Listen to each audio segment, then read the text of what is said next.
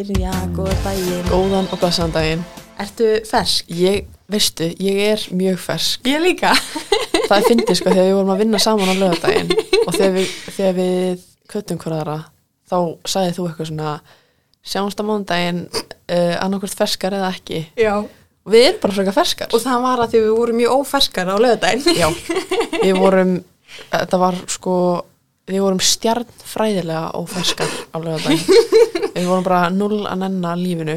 Og allt sem gerðist, ég var bara eitthvað, hvað er fokkanum með fólk að gera? Já, bara hvað er aðfólki verið heima hjá okkur og svo tókum við báðar uh, óavitandi í gær svona eins og ég ætla núna að kalla það uh, bakarar kartöfludagur þar sem maður liggur upp í rúmi vafininn í sanginu sína allan daginn eins og bökuðu kartabla í álpapir uh, í bakarómi Nei, ángríns, þetta var svo mikið sko að því að við vorum heima hjá fóröldin Þórðar Já, og þannig að rúmið hans Þórðar er beint undir glugga og þá er alltaf brjála viður í gær. já, Þannig að stundum var ég ángríns með sængina bara upp undir höku já með kalda vindin í andlutinu.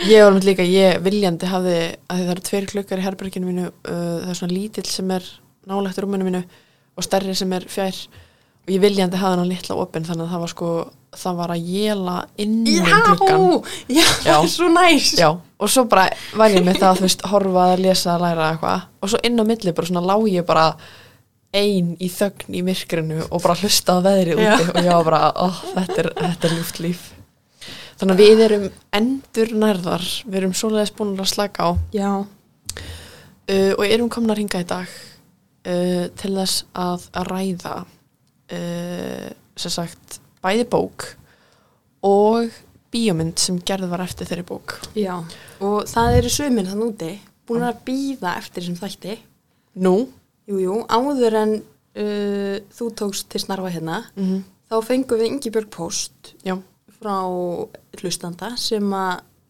einmitt uh, hvart okkur til að taka þátt um Elinu Ferrandi Já, sem er já, já, já, höfundir bókarinnar sem að við erum að fara að ræða nákvæmlega Jú, nú man ég eftir þessu uh, Já, þannig að það er alltaf gaman að verða við ósk uh, hlustenda Já, og við erum alltaf opnar fyrir óskum ykkar við viljum vera uh, töfradísir sem uh, láta drauma ykkar rætast heldur betur uh, en já, við sem sagt erum komnar hingað uh, báðar með okkar eintak af uh, bókinni The Lost Daughter eftir Elinu Ferrandi uh, þið kannski kannist við þetta nafn á áriðtöfundunum Já, hún er búin að vera í pínu svona hæpi á Íslandi Um, já, þú veist, síðustu, ég veit ekki, fjögur ár já, það er búið að þýða mjög margt eftir hana sem að er samt tiltölulega gamalt Já, emitt. Uh, og, og hérna, hann alltaf voru síndir að rúfa þarna fyrir nokkrum árum þættirnir sem eru byggðir á uh, hérna, hvað er það? Napoli bókunum Napoli-bókunum, já. Uh, og sem sagt, Hefur þú hort á þá? nei, ég hef ekki hort á það. Nei. Hefur þú hort á það? Ég byrjaði en ég var ekki trefin að þeim Ok, Mér fannst bókin miklu betri eða bækunar ok. Ég nefnilega hef alltaf verið mjög spennt fyrir bókunum, sko. Já. Og þær eru alveg vinsalar hjá okkur á safnu.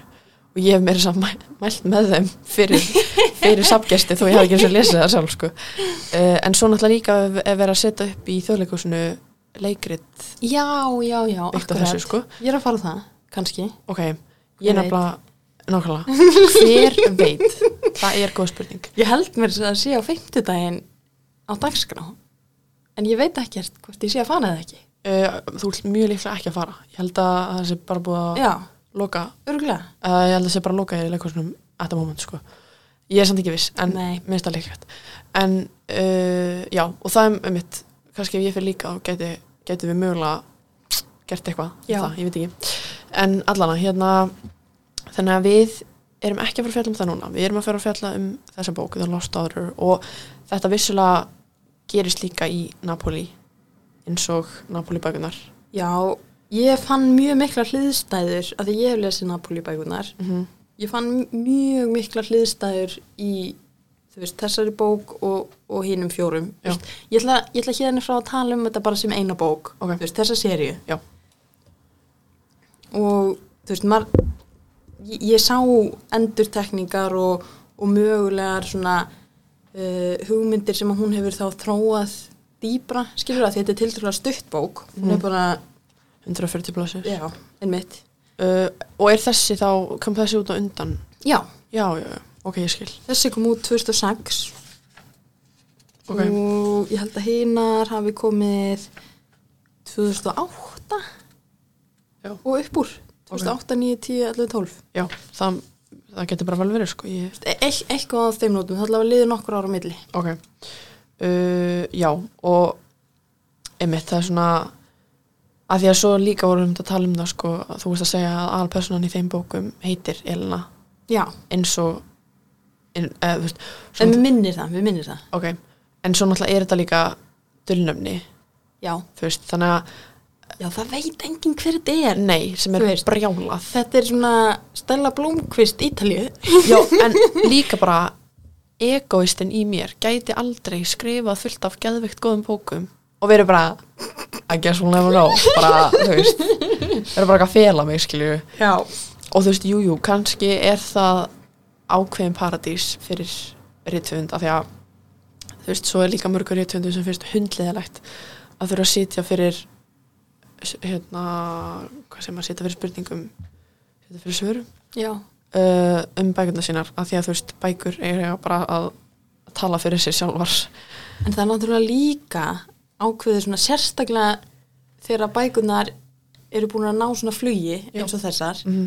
að þá er hluti af því öruglega þetta það veit enginn, þú veist, hver er þetta, hver er Já. þetta það er einhver svona, Kem, kemst ykkur æsingur í hópin já, akkurat Einmitt. svona æsingur á næsta stegi Já.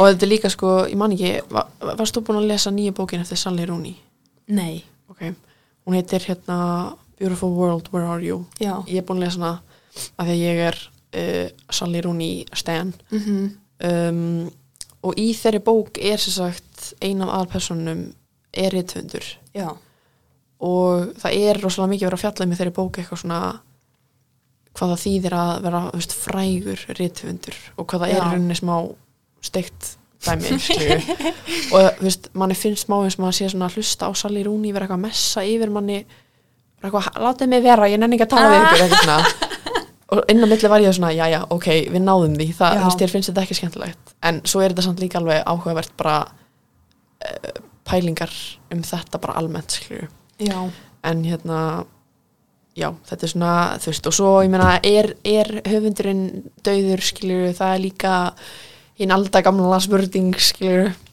já allana, nóg um það uh, þessi bók, eins og þú segir, kemur út hvað, 2006 Já, uh, og, einmitt, er mjög stutt þetta er, myndi maður ekki segja að það væri bara bara nóvela eða hvað á ég að reikna um, Þú veist, hún er öruglega að dansa einhver, einhver stær að ná mörkunum sko já, Nei, þetta, þetta er ekki nóvula ok, af því að ég hef þú veist þannig að nýja rattir einmitt uh, hafa verið að ég held að nýjustu bækunar hafa verið gefnar út í prenti já, og þær eru miklu minni já, þú veist, þær eru í sama kannski broti um en miklu færi blæsjur Ok.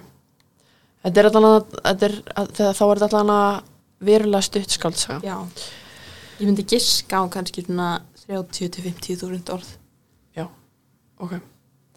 Uh, já, það geti bara mjög vel verið. og þessi kápa, Já. þú veist, bara því að ég elska að tala um kápur Já. mér finnst hún mjög óhugnaleg Já, mér finnst hún eiginlega líka bara smá afsækja orðbræðið fögli.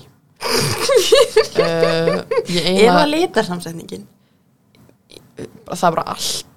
Mér sko, af Mér- því að mér finnst blátt og bleikt saman hefur alltaf trubla mig mjög mikið. Já, og sérstaklega þessir ákveðnu litir af því að þetta er svona þetta er svona uh, svona þú veist, eins og fjólur er á litina því þar er ekki alveg fjólbláður þetta er svona þannig bláður litur eiginlega Já, já, já. og, og svo er þetta svona magenta bleikur Svona eins og svona, gaman vekkfóður eða eitthvað. já, þetta er eh, eitthvað uh, og svo er þetta bara berrasa dúka Já, en það sem að mér finnst svo, þú veist, ótrúlega stert í henni Já. er akkurat að dúkan stendur hérna og snýr baki okkur já, og hún er í kjól en Sem það er- er búið að neppa frá eftir, þú veist, tveimur tölum sem er á bakinu Aha. og svo er hann rifin næstum því alveg niður, já, þú veist.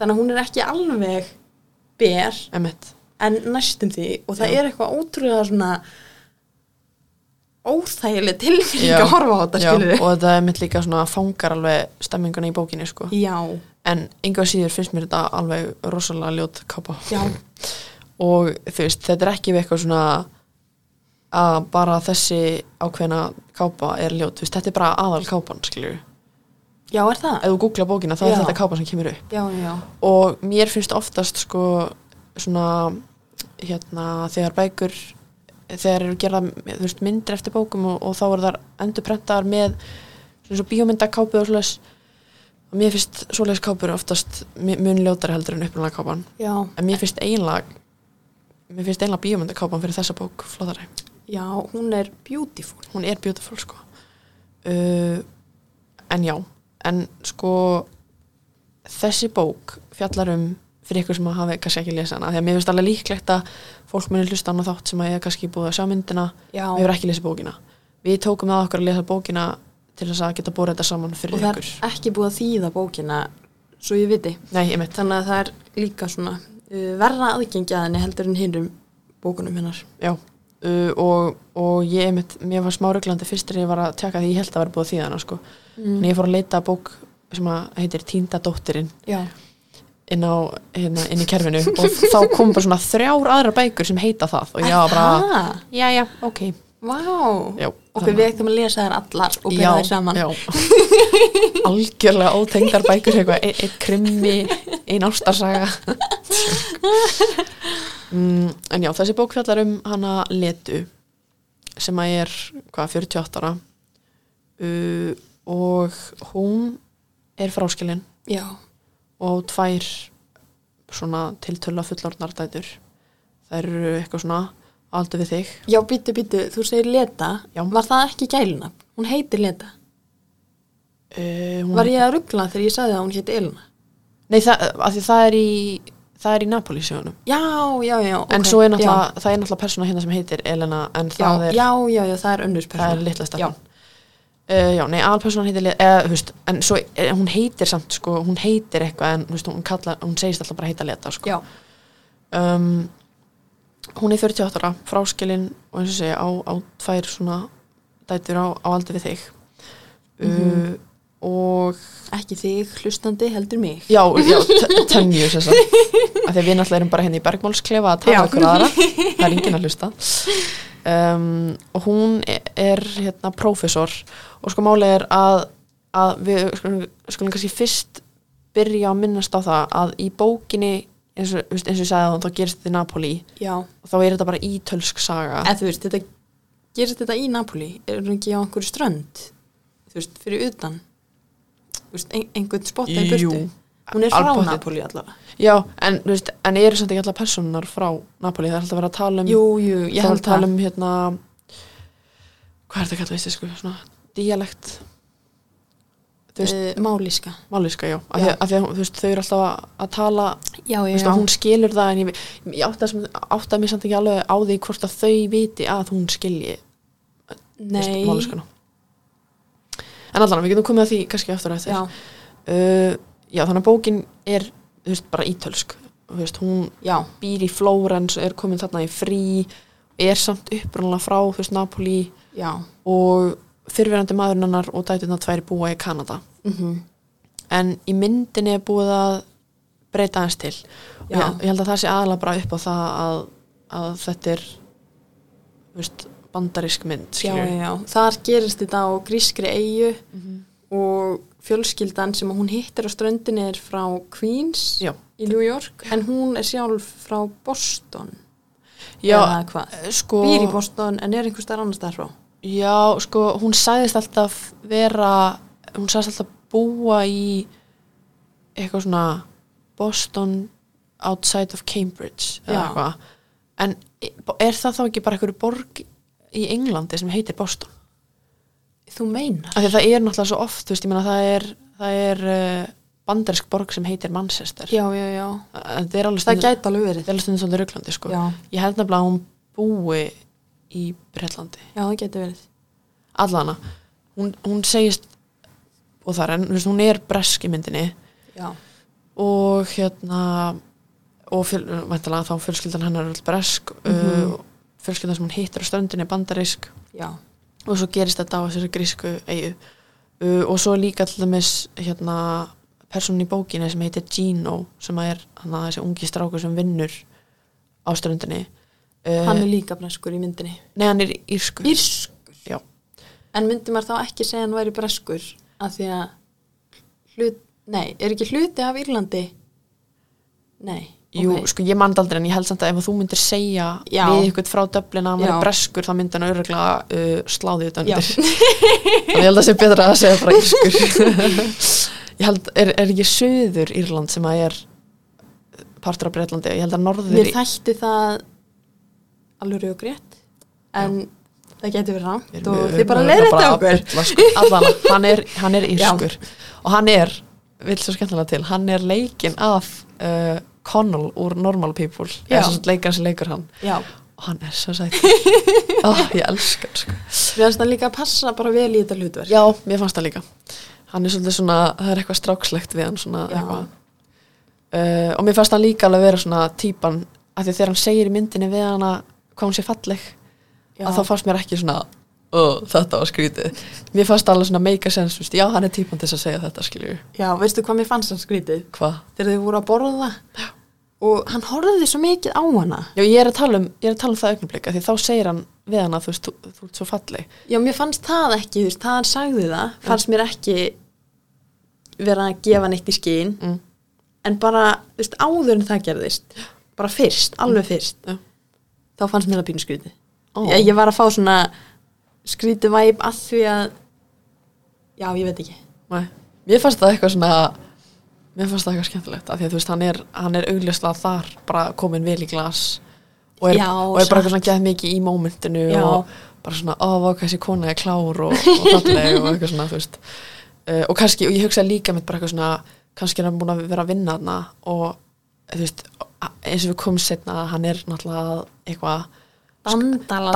dandalast með henni nínu en þú veist, kannski er enginn búin að spjalla almennilega við hann skilur. Nei. kannski var hann bara ánum smá innmanna Já, og líka, þú veist, þessi fjölskylda þarna sem að er á ströndinni, eru náttúrulega bara smá kúkú já, um, en já, og, og hún uh, er sem sagt í bókinni er hún prófessor í ennskum bókmyndum já. þú veist, á Ítalíu Já, en í myndinni er hún samanburðar bókmentafræðingur.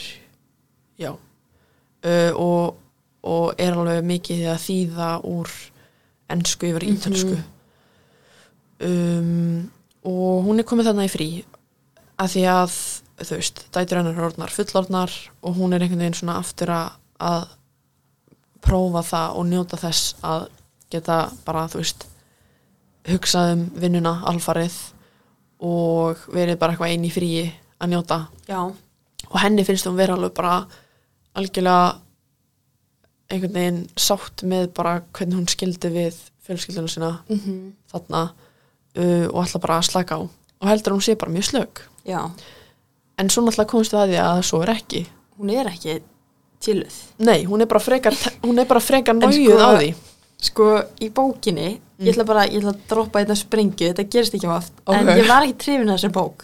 nei, einmitt, Ég var búin að segja þér það, Mhm. Ég vissi en það. eh, hlustendur vissi það ekki fyrir núna.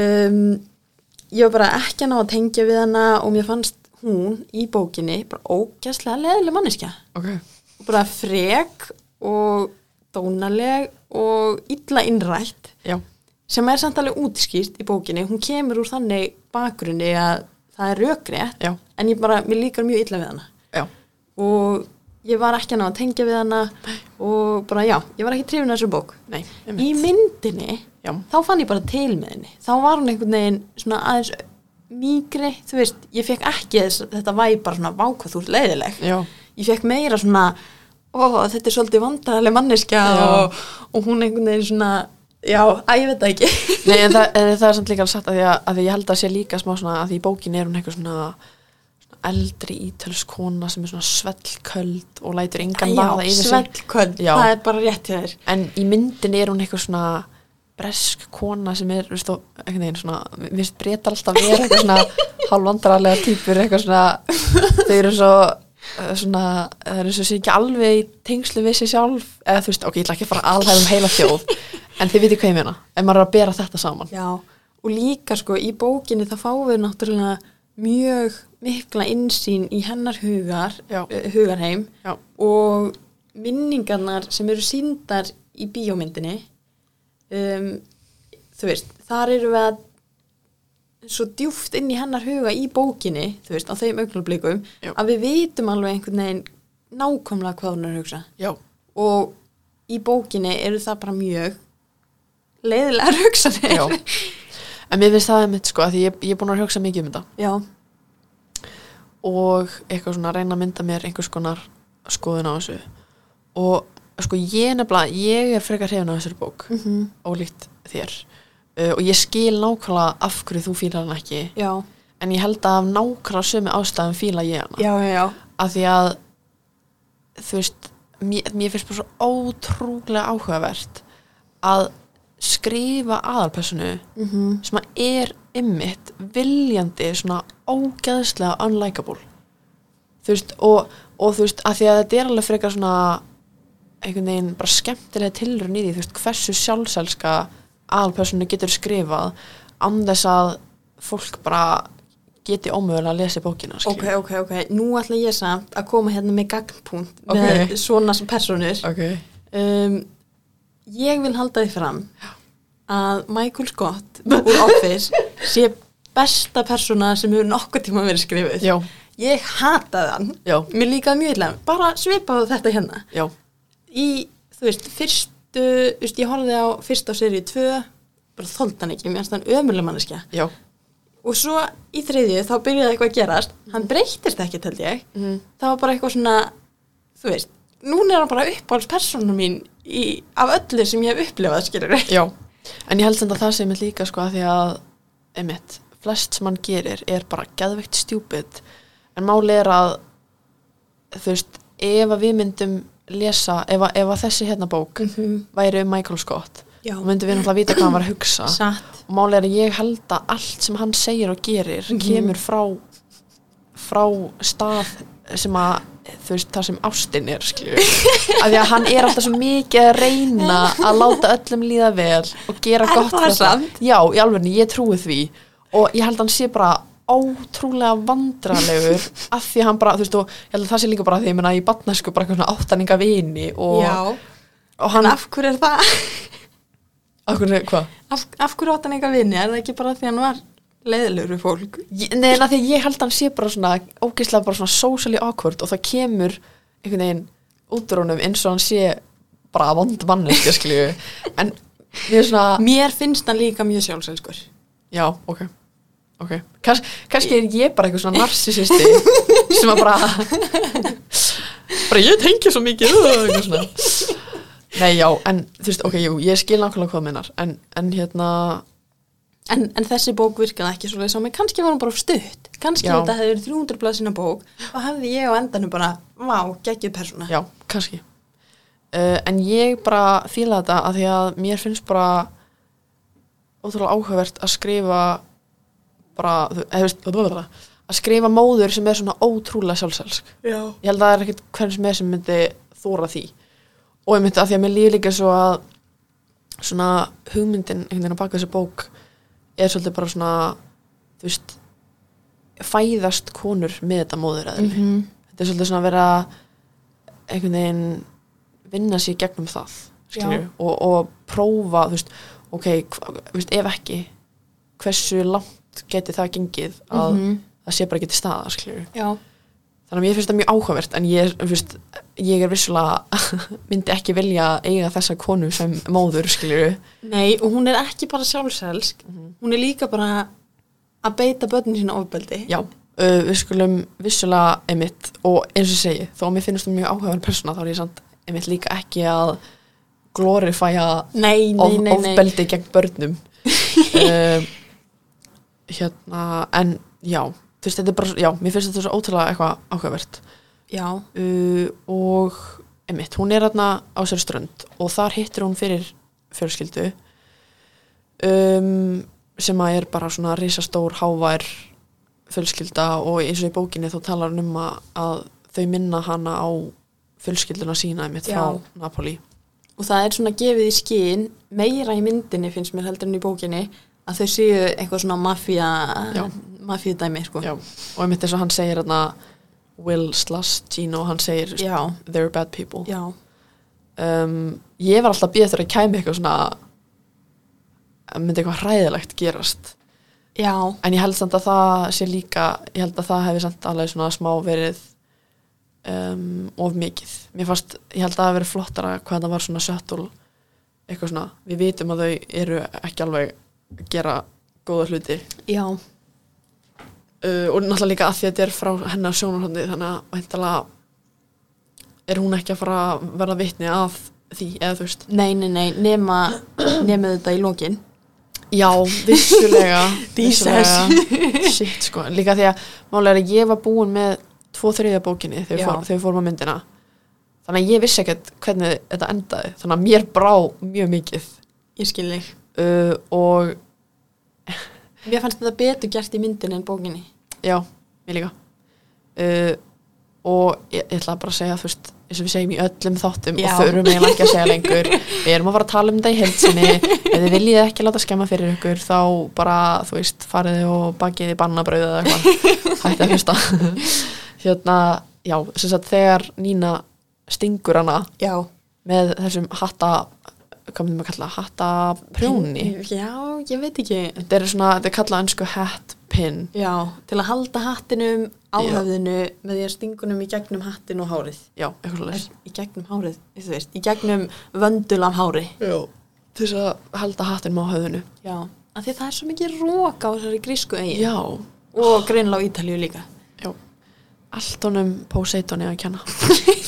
Tjú. um, já, að því að sko, já, emmitt, ég er sammálaðir að, að þetta var einhvern veginn, þetta var betra í myndinu hendur en í bókinu, sko. Já, uh, að því að sko það er líka bara uh, að því að svo þegar ég kláraði að lesa bókina þá var ég bara oh my god, handritið fyrir myndina er bara, það er eins og það hafi bara verið með bókina og bara svona sagt allt sem er einan gæsalappa og bara sleppt hinu og það er handritið skilju að því Já, að þetta já, er svo já. beint upp úr bókinni um, og einmitt sko í bókinni að þá segir hún eitthvað svona býta hans ég þarf að, þú veist, það er svolítið sem ég þarf að láta þið hafa Mhm. Mm. og fer og sækir dúkkuna uh, og kemur tilbaka og þá sko í bókinni segir um, segir Nína þú tókst hana og verður brjáluð já, en í myndinni þá kemur kemur hún með, bó- með dúkkuna og hún segir á þú fannst hana já, og þá er það hennar ákverðin að segja nei ég tók hana já,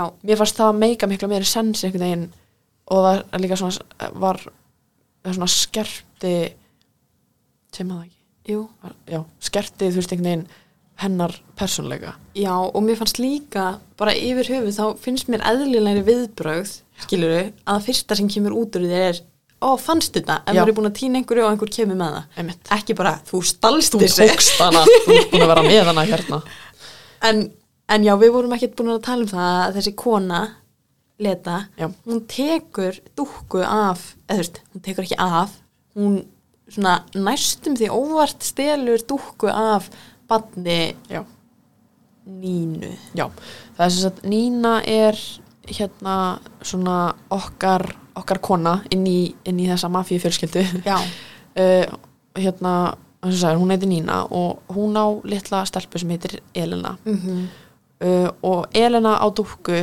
sem að er með alls konar gælunöfn mhm, en er oftast kölluð Nani já, allan í bókinni já, uh, hún, er, ek- uh, hún er ekki mikið nefnd í, í hérna myndinni nei, oftast bara The Doll eða eitthvað uh, og það sem ég sett áhugavert og ég var að segja þér um daginn og Mhm. langaði bara að benda á að um, ekki það að þeir sem lesa bókina þú veist, sjá þetta öruglega en dúkan er kallið Nani mhm, sem að er eiginlega eins og þú veist Nína á útkvarunni eða skilja, þú veist, öfugt já, öfugt skilju mhm, um, og Elena er náttúrulega þú veist, nafnið á reytöfundunum já, eða allan að dulnöf- dulnefnið uh, og svo sko hún aðalperson heiti Leta sem hefur kannski ekki beint einhverja mikla tengingu en mér finnst það samt einhvern veginn svona stafirnir mm, smá svona passa inn í þetta mengi með þessum nöfnum öllum og svo líka þegar ég kláraði bókina að þá fór ég alltaf að pæla í og þú veist það, ég er mjög mikil svona, ég er alltaf að reyna að finna ykkur minnstur og eitthvað og það er ekkit víst að það sé eitthvað þú veist, þýði eitthvað en hérna eh, svona þrýr aðal kallmennir í bókinni mm -hmm. heita Giovanni, já, já, Gianni og Gino já, já, uh, og ég meina, þú veist, kannski er þetta bara þú veist, og ekkert kannski, ég meina, þetta er náttúrulega bara mjög algeng nöfn á, Íta á Ítalíu en það er samt alveg þú veist, þeir útkomið þrjár personur Já. sem að heita þú veist, þó það væri ekki nema bara fyrsti stafurinn skilur, Aha. þá er það orðið pínu svona hmm, Já. er hún að meina eitthvað með þessu? uh og sko, ok, ég ætla bara að bomba núna út teóriu sem að mér eiginlega datt í hug í bílnum Já. um, og eins og ég segi, þetta er bara mín teória, það er ekkert víst að einhver sé sammálani Nei. en að því að eins og ég segi, það er annað þessi þrjú nöfn og þetta er í rauninni svolítið svona eins og sko uh, maðurinn hennar eða fyrirverandi maðurinn hennar letu Mhm. á þremur mismunandi stöðum í lífinu Já. þetta er svona eins Já. og þú veist, Dino er hann þegar hann er ungur Já. og kannski fyrst eða þau eru að kynnast Mm -hmm. og mitt líka svona Dina mikið á milli er að þú veist, hún býður honum þú veist, út, í, út að borða og svona það er svolítið eins og hún sé svolítið svona einhvern veginn hugsa þetta sem smá date einhvern veginn næstu því, Já. af því að hann er svo mikið svona að nei, eitthvað, eins og hann sé hann að komast undan þessu og hún eitthvað nei, þetta er alltaf ég býður eitthvað svona, kottum með mér eitthvað, þú veist Já. og svo, Vá, það lætur þetta hljóma ekki eitthvað En- eitthvað svona creepy. nei, nei, nei, nei. það hljómar illa en þú veist, þetta er svona hann, þú veist, það er ekki hann sem sækist eftir Nei, nei, nei. hún býður honum Já. skilju og svo náttúrulega er uh, Gianni sem er náttúrulega bara maðurinn hennar og hann er hann þú veist, miðaldra eitthvað svona, gengur vel í vinnunni darara. og svo erum við með Giovanni sem að er hann er eitthvað 69 ára eða eitthvað Mhm. og á um, á þú veist, dóttur sem er eitthvað aðeins eldri en leta Já. eða eitthvað og í myndinni síni líka. Já, og sín líka. Og í myndinni þá er hann að tala um fjölskylduna sína og eitthvað svona að hann hafi kannski ekki alltaf verið besti pappin. Nei, þá, mér finnst það líka að vera svona smá endurspeglun af letu. Já, einmitt, mér finnst það einmitt líka sko. Uh, og einmitt og að því að hún segir líka eitthvað svona, vá, frábær fjölskyldufaðir. Já. Og svo er hún bara, æ, ok, sorry, ég, ég var ekki að reyna, eitthvað, ég var ekki að reyna að vera leðileg. Uh, en já, þannig að þetta er svolítið svona einhvern veginn, þrýr menn á mismöndi stöðum í lífinu. Já. og svo erum við með þú veist, Nína, Elena og uh, Nani, dúkkan, sem er líka svolítið eins og þrjár kynslaðir Já. og sko, ok sem sagt, mín kenning er að uh, að því að sko fyrsta sem ég hugsaði, þú veist, af því að þetta er svo mikið svona, letar alltaf að setja sig einhvern veginn inn í hlutverk þú veist, dúkkunar eða Elenu eða Mhm. Nínu eða einhvern veginn, er alltaf að spekla sig í þessu öllu Mhm. og þú veist, tilfinningi þegar maður er að lesa þetta er næstu svona eins og þú veist, þú veist, þegar maður fer inn í svona eins og uh, ég veit ekki hvað það er kallað svona eins og spekla svona völundarhús Já. Ú, þar sem þú lappar inn og þér finnst þú sjá þú veist, bara hundrað Já, já, já. af þér Hvað heitir það? Það heitir eitthvað sérstætt. já, bara svona En- ekki spekla salur, en þú veist þetta er svona drrrr, þú veist, þú Já. Mhm. serð endalust, endalusar myndir af þér og eh, þú veist, þetta er svolítið þannig af því að þetta er einhvern veginn ma- þú veist, mér fannst stundum eins og þetta væri bara svona 57 útgáfur af letu Mm, og hún er að tala við þar allar Já. og það er svo líka náttúrulega hvað heitir eftir hérna um, ólétt, já, Rosaria, já Já. Rosaria er sem sagt mákona Nínu og hún er ólétt og það er mér líka eitthvað svona þú veist, Nína er ung móðir og er einhvern veginn leta þegar hún er búin að eignast börn en svo er Rosaria er, þú veist, einhvern veginn líka svolítið svona tákmynd fyrir að því að leta tala um hvað hún var hamingisum þegar hún var fyrst ólétt Já. og það er mér líka svona einhvern veginn og nú ætla ég loksins að koma að Já. þeir sem ætla að segja að sem sagt, þessi vera letu áströndinni Já. er smá eins og hún sé komin í, han, í handanlífið Mhm. Eh. og er í rauninni að gera upp æfina sinna Já. Ok. uh, Ég sé alveg að þú gætir skrifað um þetta. ok af því að þú veist af því að sko hún þú veist, kemur hana og þú veist, ok, jújú, jú, hún er að tala við dæti sinna er í síman og eitthvað svona, en það er mjög lítil tengsl einhvern veginn fyrir utan, þú veist, og hún er svo mikið að rifja upp, já, hún er líka svo mikið bara eitthvað svona, situr ein og er að fylgjast með Já. alls konar sen, þú veist, scenarium sen, scenarióum atvikum þú veist, atvikum, já, Já. gerast og líka að því að seinasta línan í bókinni er vissulega uh, I'm, I'm dead but I'm fine já, hún segir það ekki í myndinni hún segir það ekki í myndinni sko en það er nú líka bara eitthvað ein eftir í sandinum eitthvað svona að skera appelsinu í einhverju Já. bara síkósu og líka í bókinni þá, þú veist, byrjar hún á að segja að hún hafi endað á spítala og það hafi fullt af fólki komið að heimsækjana já, og svo endar það, þú veist wait já, bara en það gleyma gerst því. ekki í myndinni ok, en það er samt ítir ennþá frekar undir þessa kenningu mína um,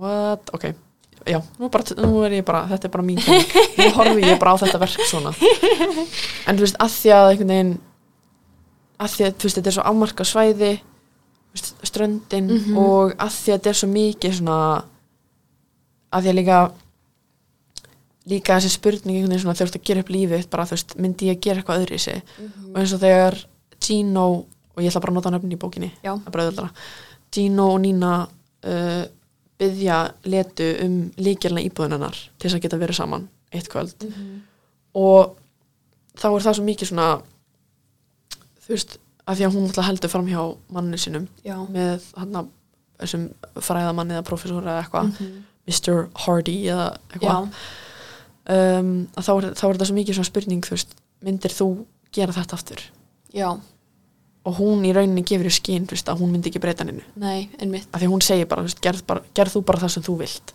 já, og ég er ekki hérna til þess að vera eitthvað að dæma en þá er það kannski líka bara að því að hún mitt vill ekki dæma sjálfa sig Eh, satt uh, mér leið sérstaklega þegar við vorum á bíómyndinni um, þú veist, ég fekk bara akkurat, þú veist ég held, ég held að þessi tilfinning sem ég er með stafi af því sem þú ert búin að vera að segja að þetta er mjög svona einangraður, þú veist, lítið pláss og hún Já. er alltaf einhvern veginn að fylgjast með öllum já, og er rosa mikið ein og ég fann það svo mikið Já. og mér leið bara eins og mér líður oft ef ég er búin að vera ein allan daginn uh og ég er ekki í besta gýr sem ég get verið í skiluru Já. og maður er, þú veist, þegar maður er ekki á besta stanum og er búin að vera einn allan daginn þá er maður bara pínu svona, oh my god ég meika þetta ekki já, þannig leið mér þegar, þú veist, þegar ég satt og var að horfa á þessa bíómynd já og ég mitt bara eitthvað svona einhver svona þrúandi tilfinning sem er ekki beint einmannaleiki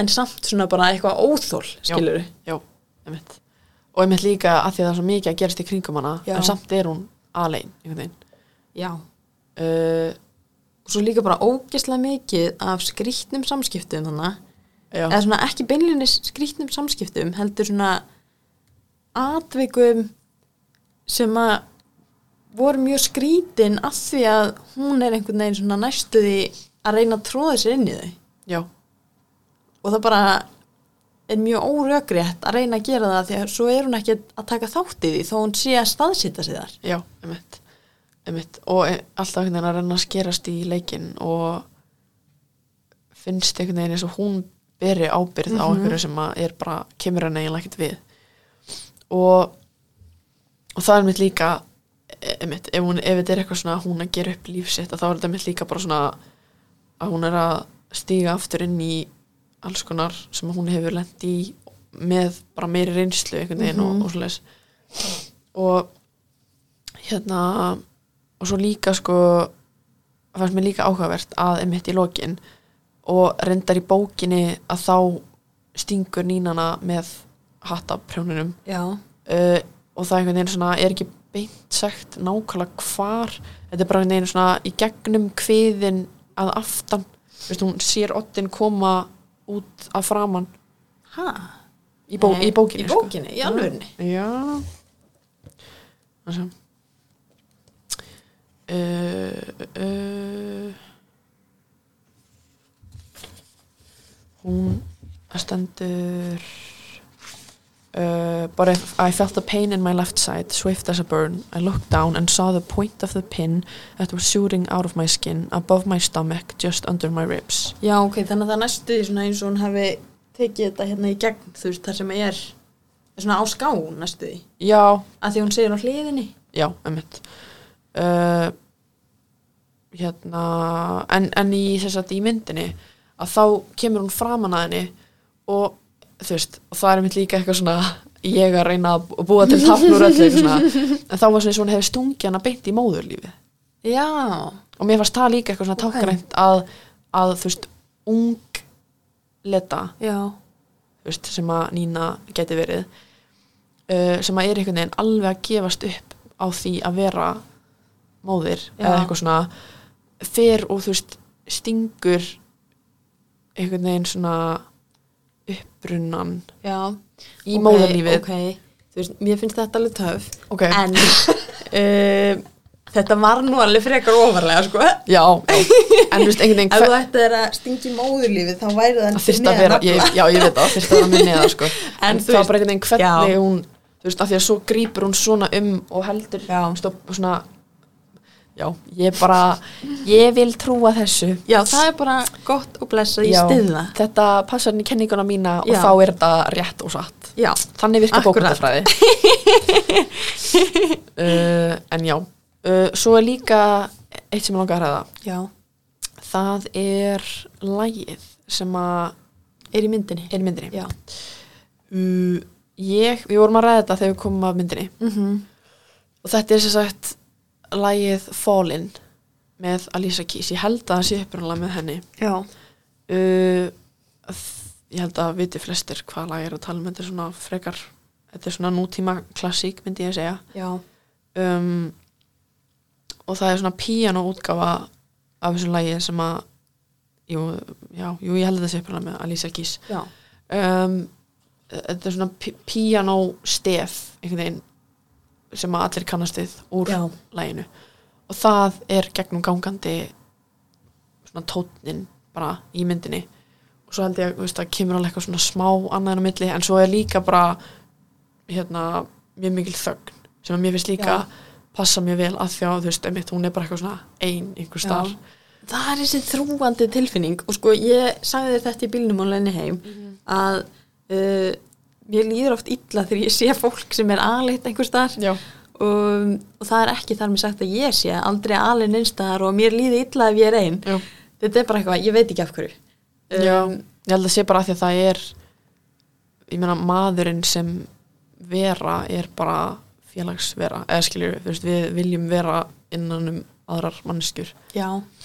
Og, og þessi áhrif sem skapast af þögninni Já. eru þessi þrúandi tilfinning Já. af því að vera einn Já, og mér, það var líka svo fyndið því þegar við komum myndinni þá varst þú bara eitthvað svona Já. ég, bara, ég get ekki, mér liður svo illa og, Já. ég, og, og meðan að ég var bara þetta, þetta var gæðvegt, oh my god eitthvað svona um, en já, þannig að sko fyrst var ég bara eitthvað svona af hverju völdu þið þetta lag mér fannst það bara Mhm. ekki meika neitt sens mér, fyrir mér er þetta bara eitthvað svona karaoke lag með Alicia Keys Ertu þá að meina að þér finnst það ekki rökrétt út af því að fólk myndi gera tengingu þarna á milli bara, þú veist, ég er á sér bíómynd og það er ákveðið andrúmsloftina en svo kemur þetta lag sem ég söngi í karaoke í síðustu viku.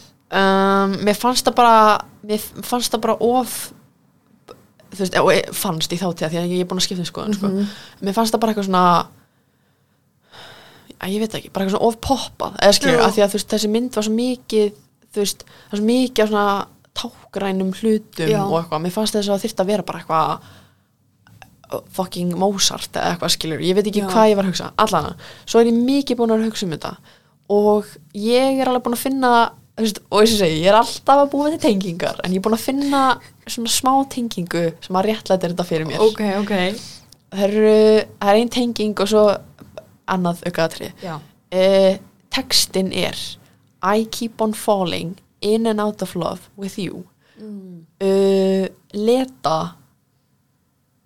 er vissulega uh, gjörn á að svona bæði sko detta inn í móðurhlutverkið Já. og út úr því þannig að hún er smá svona falling in and out of love Já, með þú veist móðurhlutverkið Ég sammála. og dætur sínar einhvern veginn hún svolítið bara svona talar við þær þegar hana langar til skilur Já, nema eftir að það er fluttu út, þá talar hún við þar á hverjum degi segir hún í bókinni já, já, en svo náttúrulega þú veist líður alveg svona tími þang til að eða þú veist, það er alveg líður ykkur langur tími af því að, að því að svo fer hún líka að tala um sko að henni finnst einhvern veginn allt í hennu svolítið erfitt að hringja hana því að henni finnst alltaf þess að þessi að uh, ætlast til svo mikil safinni uh, Já, og byggja um svo mikið eitthvað svona að þetta er ekki bara á þeim grundvelna vá, gaman að heyri þér Já, einmitt, þetta er meira bara svona að ég, jesús, það látaði mig vera allt uh, en svo líka sko, finnst mér að þetta píanostef, þú veist, að náttúrulega að því að sko, náttúrulega líka textin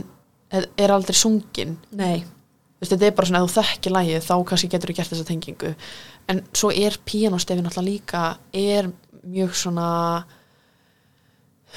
ég veit ekki hvað það lýsa því, svona, þetta er mjög svona kvenlegt Mm. eða svona að því að þú veist, aðalpersonan er eh, alveg svona fullarinn kona sem er svolítið svona reynir að vera svolítið svona fáuð og eitthvað, þú veist, þetta, er svona, þetta passar alveg við hennar típu finnst mér já En viðrandi manneskja sem að uh, man aldrei þú veist, hvað neitt heitir Mm. og, og er ekki með nútíman á hreinu Nei, þá fattaði ég ekki að þetta væri þetta lag ekki Nei, og þú veist, ég get ekki, þegar þú segir þetta Já, þá get ég ekki dreigið lægið fram úr mínum huga og já, þú veist, það er svona uh, ok, ok, ok, okay. Þú veist, Allt í góðu ég er bara ótengd Já, það er líka allt í góðu uh, Heldur við verðum eitthvað kærðar fyrir það að spila örlítið brotur úr svo lægi Má maður ekki taka 20 sekundir? Ég, ég held það sko uh, Maður sjá Ég ætla að reyna að finna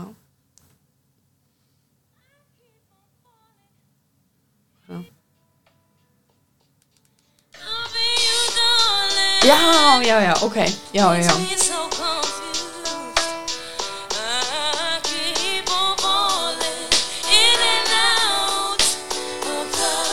Já, þetta er, Þetta er sem sagt þetta Þannig að Já. það er alltaf og ég veit hvað þetta er já, já, já. Það, er líka, það er oft þannig að þegar maður heyrir það þá, en ég er bara, ég er með smá svona uh, límheila þegar kemur á svona dæmi ég, Já. ég er mjög erfitt með að muna uh, hvernig maður ratar á ymsa staði sem er visslega, væri mjög gaglegra í lífinu. en ég get munað þú veist, hverja leiku þessari mynd eða hvaða lag þetta er eða eitthvað svona Já, uh, eins og pappi minn kallaði mér stundum uh, gangandi MDB sem er bara frábær þrós í mínum augum sko. Já, það er geggjað. já. en já uh, hvað hva getum við meira sagt um þetta þessir, þessir rótnuðu ávegstir sko, það var bara margt sem að vakti óhug minn við þessum bók mm.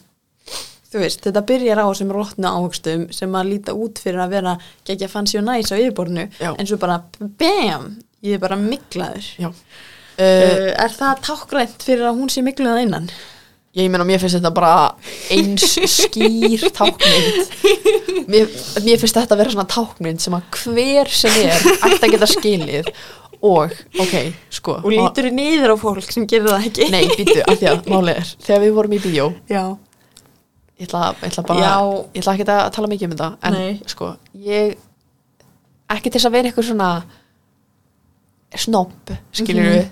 ég kannski er ég það stundum smá en uh, það var bara við vorum bara í svolítið hressum sal Já. í bíó já, uh, fólk sem að langaði greinlega að koma í bíó og skemmta sér sem er bara, sem er bara mjög valid ósk, skilur við uh, en þetta er kannski bara ekki myndin til þess nei og þau voru bara smá hláturgjörn skulum við segja Á svona skrýtnum augnablikum þar sem við vorum báðar svona held ég Þetta er ekkert mjög fyndið Nei. Þú veist af því að eiginlega bara í hvers skipti sem ég var snortin bara svona, á vá, þetta þýðir þetta Mhm.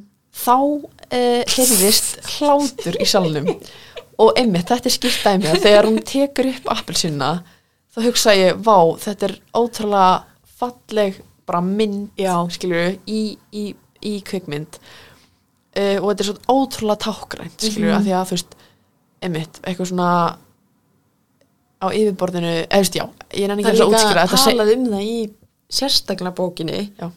en, en þú veist, þeir koma aðeins inn á það í myndinni að hún lítur eða þú veist, virðist líta út fyrir að vera uh, miklu yngri en hún er já, þannig að þú veist, svona samfélagsleir staðlar myndur segja að hún væri í toppformi emitt og, og, og, væri bara 10 af 10 já, og emitt líka eins og Nína segir að að eitthvað svona, fyrst er hún sá hana þá langaði hann að vera eins og hún mm -hmm. uh, sem að hana langar vissulega ekki Nei. þegar hún kemst að hvernig hún er skilju uh, en allana, hún tekur upp hana einhvern áhugst sem er miklaður Já, og allir bara ha ha ha fyndið og ég var bara "Ugh." og þetta, og þetta er alveg sko þetta er snemma í vindinu og ég var bara bro ok, ok, ok ég ætla að færa mig aðeins Já, lengra inn í já, myndina já. og uh, varpa aftur fram spurningunni þegar hún vaknar og sér pöttuna á kottanum Já. er það tákgrænt fyrir það að hún sé patta? að innan hefur þú heyrt um Frans Kafka? tjók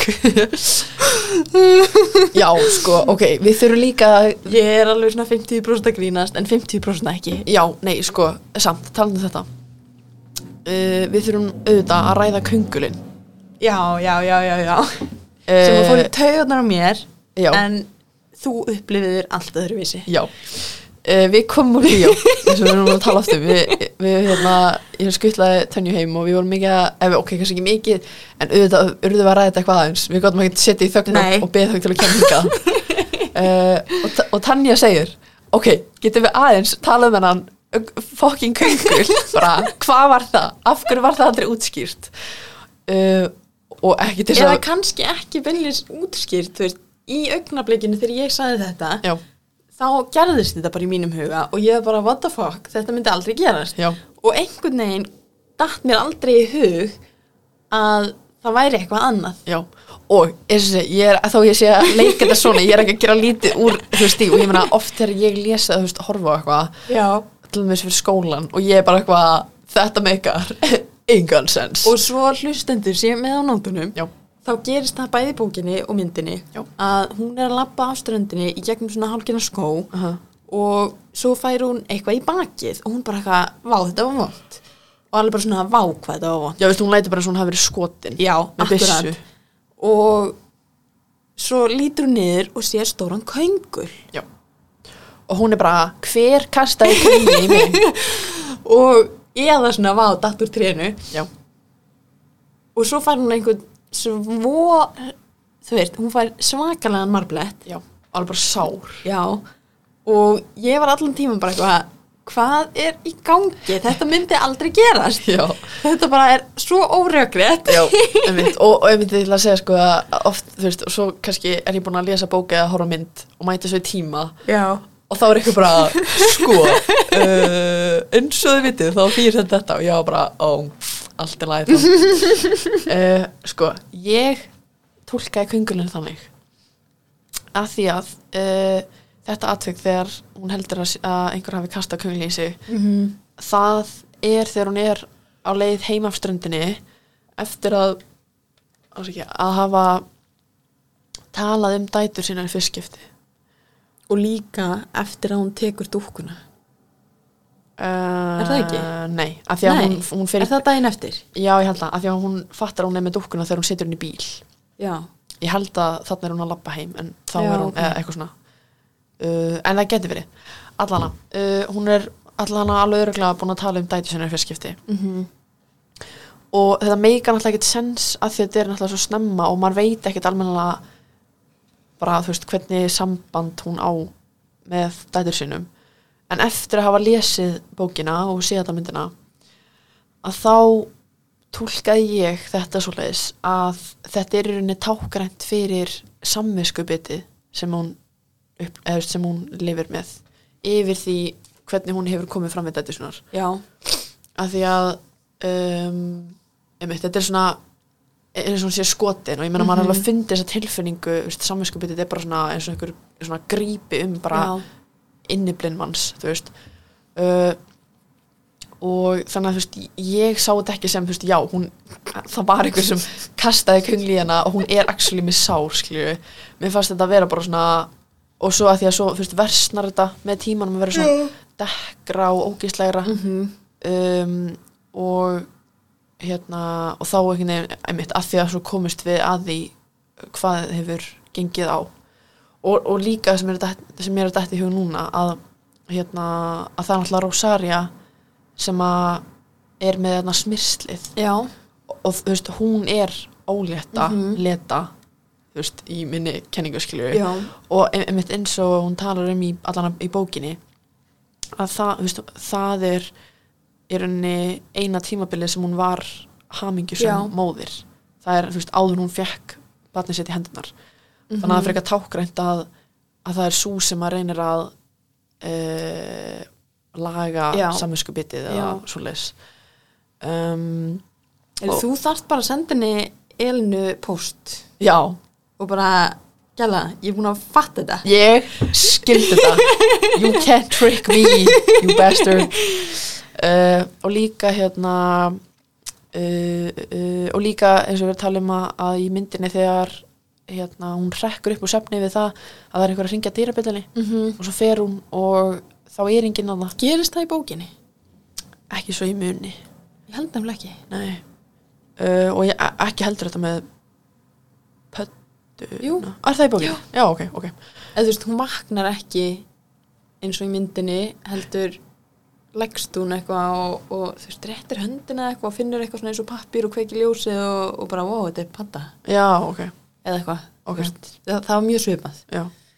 Uh, en já, þegar hún trekkur hann uppi það og, veist, og svo er enginn annað sem mm Mhm. á að hafa dingla mér varst það líka að vera bara eitthvað svona að því að hann var ný- hana, þú veist, var nýbúið að dreyma dæti sínar eða hann var að hugsa um þær eða eitthvað og svo, þú veist, kemur samskupitið og bara svona Já, uh, kýlir hann að kalda basically um, en þú veist, ég sem bæði var, þú veist það er að hafa áhrif á þetta Já. hvernig ég upplýði þetta að ég var ekki að tengja við bókina já, uh, þannig að ég hugsa svona ósjálfrátt um þetta á svona neikvæðari Já. máta skilur og bara nei, þetta gerðist ekki já, og bara eitthvað oh my god, kungull, Já.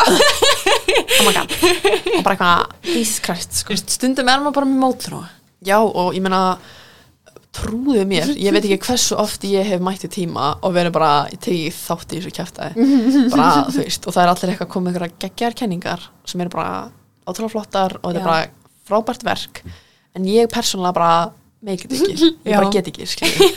og það er líka bara alltaf lægi Já. þú veist, maður þarf ekki að vera hrifin að öllu Líka bara Eh. gaman að vera búin að sitja hérna og ræða bók sem vorum ósamálum Já. eða sögu þar að segja ég held að það sé fyrst skipt sem að það hefur gerst Já, mm, Nei ok, djók, herru um, minnst uppáhaldsbóki mín er Caritas án titils ó, vá var bara, þetta er bara versta bók sem ég hef lesið, ég var bara ég er bara búin að ljúga þér sko Nú er bara vinskap slitið Já. ekkert meira hlaðvarp Herru, við bara sjáumst, Sorry. sjáumst aldrei bara, takk fyrir ekkert tjók nei, tjók En þannig að nú er liðin nærið því klukkustund já, af þessum vangaveldum mitt og um, þú veist ef ykkur langar að líða illa þá skulle endilega fara á þessa mynd og ég meina þetta ekki illa af því að það er ákveðin hæfileiki að geta búið til eitthvað sem lætur fólki líða illa Þú Já. veist, þetta er bara alveg eins og gamanmyndir eiga að draga fram í þér gleðina Mhm.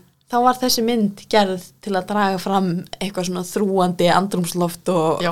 og óþægindi nema maður heiti Ástrós já, og ég bara shake in the head já, um mitt uh, nei, já Eh, hún var ótrúlega flott Já, Hún er eh, mjög flott. Og hún er, eh, hún er alveg svona mjög ofarlega á flestum svona Óskarslistum sko Já, Hún ég þi- verð ósátt ef hún vinnur sko Elfurinni? Já, mjög ósátt Ok, Ég er á móti þessari mynd þar er ég mjög ósámála en allt er lagi Nei, ok, ég er smá að grínast Mér, fi- mér finnst það líklegt að hún fá einhver verðlun sko Já, og þú veist, ef að hún vinnur til dæmis þarna aðaleikunan Mér finnst hún alveg að Olivia Colman. Já, hún Já. á það skilið Já.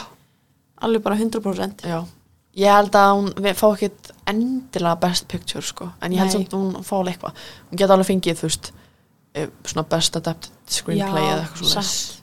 Þetta er En mjög, það er náttúrulega sér flokkur já Já, Uh, það er bæði best screenplay og er Já. upprunalega handrit og svo hérna, hvað er þetta á íslensku?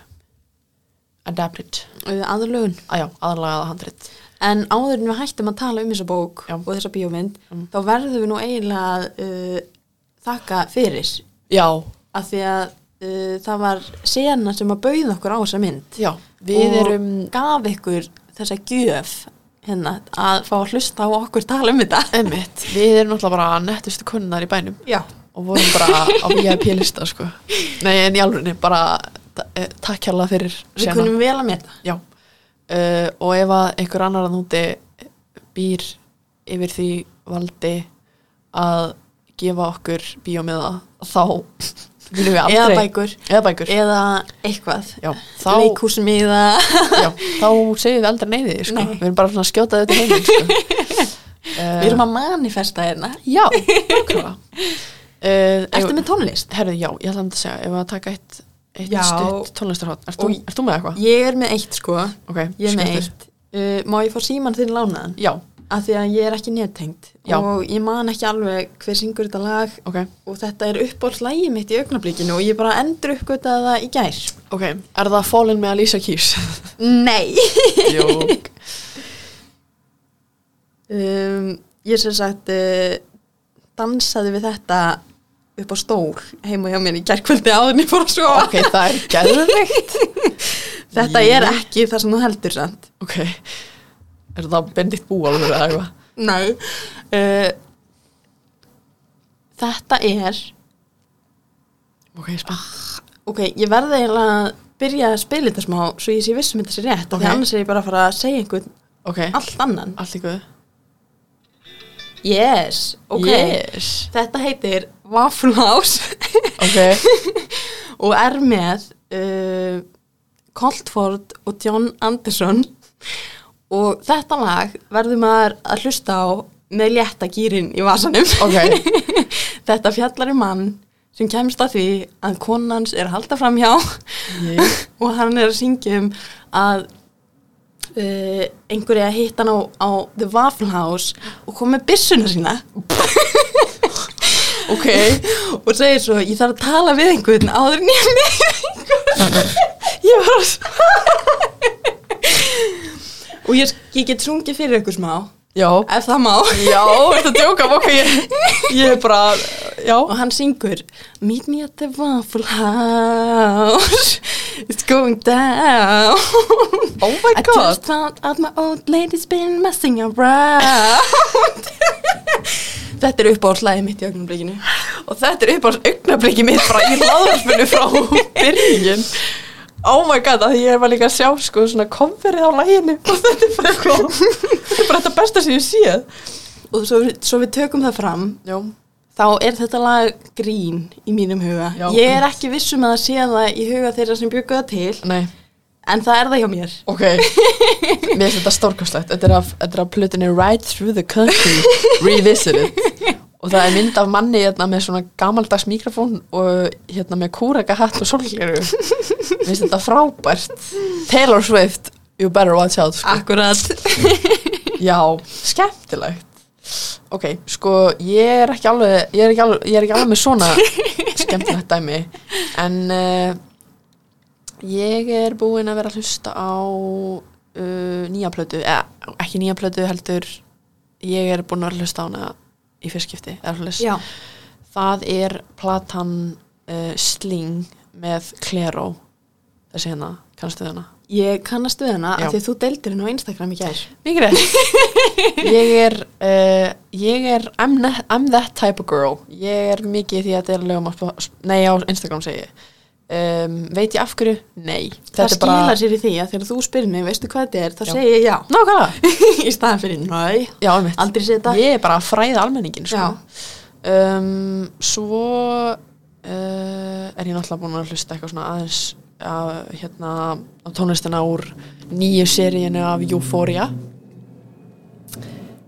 nú er ég, af því Ok. að þú hefur ekki verið að deila þessu á Já. Instagram þá er ég bara, ég veit ekki hvað það er Hefur aldrei heyrt um Euphoria? ekki síðan hún vann Eurovision hún hann að, þú veist Sorry, ég ætla ekki að hlæja Ok, já, nei, ég er ekki ég er að, var grín samt Já, ok, ok, ok, ok Jú- Euphoria uh, Ég, ég er svolítið að útskýra þetta fyrir þér Tanja Því ég held Hvað er bara heimsendir úti eða- Já. ok, frábært ekki í fyrsta skipti Nei, nákvæmlega Hérna, eh, uh, já, þetta er svolítið úlinga þættir já, uh, Ef að þú værir samfélagsmeila kona Já. þá myndir ekki komast hjá því að vita hvað þetta er ok, ok, ok, ok þetta er í rauninni bara það eina sem fólk er að tala um þetta moment Getur þú sínt mér, þú veist, svona plaggat eða eitthvað Já. með þessu? Já um, Ég veit ekki hvort að þú myndir fyrir þetta Ég held að þetta sé svona eitthvað sem að þér myndir líða illa að horfa á. Vá, ok, en er þetta með Þetta er með Sen- Zendaya Já. Já. Uh, Þetta eru basically bara þættir um úlinga sem að eru bara bara fucked up þau eru bara öll á dópi og líður öllum ógislega illa og það Já. eru bara allir að halda fram í öllum og allir að deyta alla og eitthvað svona, þú veist, maður vill ekki beint vera fólki í þessum þáttum Ok, ég er með spurningu Já, um, Það er hægt að gera þetta já, sem að þú sagðir á Já. mismunandi vegu já Er þetta mjög íkt og svona ótrúverðugt eins og til dæmis Riverdale eða er þetta svona virkilega svona raunverulegt Já, sko, það, þú veist, þetta er eh, sko, eufória stílinn á bara hvernig þættir eru Já, að þetta er viljandi um, þetta er mjög svona ah, ég veit, það er svo erfitt að lýsa það, það hefur ekki séð þetta en þú veist, hvernig kvikmyndatakan er það er mikið af Mhm. svona snöggum hreyfingum í myndavélni Ok. og þetta er mjög svona, það er allt rosalega það er allt svona rosalega íkt þetta er svona eins og það myndir taka, þú veist, það Já, myndir taka mynd ok. og setja saturation alla leið upp já, já, það er allt ótrúlega svona glimmer, litrikt mikið, þú veist það er bara tó- það er tónlist eiginlega bara allan tíman ef einhver er ekki að tala skilju Ok, ok, þannig að þá, þá ætla ég að segja að þetta falli nær því að vera óraunverulegt. já, alveg veist. svolítið sko Já. en ég myndi samt kannski ekki setja Riverdale í sama sama mingi uh, kannski, kannski kann, þú veist, litirnir Já. að einhver leiti en Riverdale er smá svona eins og stundin okkar með þetta Já, en ég, ég myndi bara þessi áhrif. Já, Þú já, já. Það, það eru ákveðin áhrif af því hvernig uh, þau ákvaða að gera þættina já, um mitt sem að valda því að maður hugsa svona, já, þú veist, þetta er ekki, þetta á ekki skilt við mitt líf. Já, einmitt. En þetta er samt alveg, ég held að þetta sé, sko, þetta er samt alveg raunverulegra enn Riverdale. Mm -hmm. Því að líka Riverdale er svona, maður hugsar, já, ég er að horfa á eitthvað sem var einu sinni Já, teiknumynda já, blað, skilju. Mhm. En þetta er meira bara svona, í einhverjum raunveruleika gæti allt sem gerist í þessum þáttum gerst. já, En þú veist, þetta er samt líka alveg smá svona, eins og það er oft verið að djóka eitthvað svona, þú veist, eitthvað svona fólk sem er eitthvað, að ég, ég myndi vera þessi persóna og það Já. er allir bara, þú veist, þú myndir ekki vera neina sem persóna því þið eru allir bara fucking crazy, já, skiljum. Allan, ég er búin að hlusta á tónlistina úr nýju seríunni já, um, og það er bara svona mikið af bara gömlu hip-hop og, og, og svo leið, sko. já, Um, og þú veist, ekkert mikið meira nýtt, sko. Uh, ég var líka aðeins að hlusta á tónlistina á Ladybird myndinni. hún er svolítið svona cozy uh, vetrar tónlist finnst mér Mhm. og svo, En þú veist samt að það er að koma vor, er það ekki? já, vissulega og sko heima hjá mér mm. þar er eitthvað skrítið í gangi í garðinum sem að er sikkur megin við þannig uh, stíin sem leiður upp að dýrunum Mhm. um, það er örgulega eitthvað rör sem liggur þar undir þannig að núna, þú veist hvað, 24. janúar eru byrjað að koma páskaliljur nei, Jú, ha? jú það er crazy Já, en það er örgulega hiti þannig undir Jésu Kristur er bara Já, já uh, en ég held að við séum bara búnar hérna í dag já, Ertu með eitthvað heilræði fyrir fyrir hlustendur, hlustendur okkar Mér finnst að allir hlustendur ætti núna að leggjast á gólfið í sófan Já. og googla random classical song Það, þið ættu að finna svona síðu sem er bara uh, classic mu music generator ok og þið ættu að hlusta á lagið sem kemur upp þetta er, þetta er bara frábært heilræði Já, kannski gerir ég þetta bara mér finnst þú ættir að gera það Mér finnst nefnilega að mér langar að vera típan sem að bara veit geggja mikið um klassika tónlist og bara eitthvað svona, já, þetta er uppáhalds symfónía mín en ég bara er ekki nóg vel að mér í þessu uh, þannig að kannski þarf ég að gera þetta Já, eitt á dag kemur skapinu lag Nákvæmlega. Eða bara eitt núna og svo aldrei aftur Þú Já, veist, eða þið það. ráðið. og þá bara kemst skapið aldrei í lag Nei, akkurat Það er líka bara allt í góð En já, eh, Ég byrð ykkur vel að lifa. Já, uh, eigiði góða stundir og við heyrumst næst.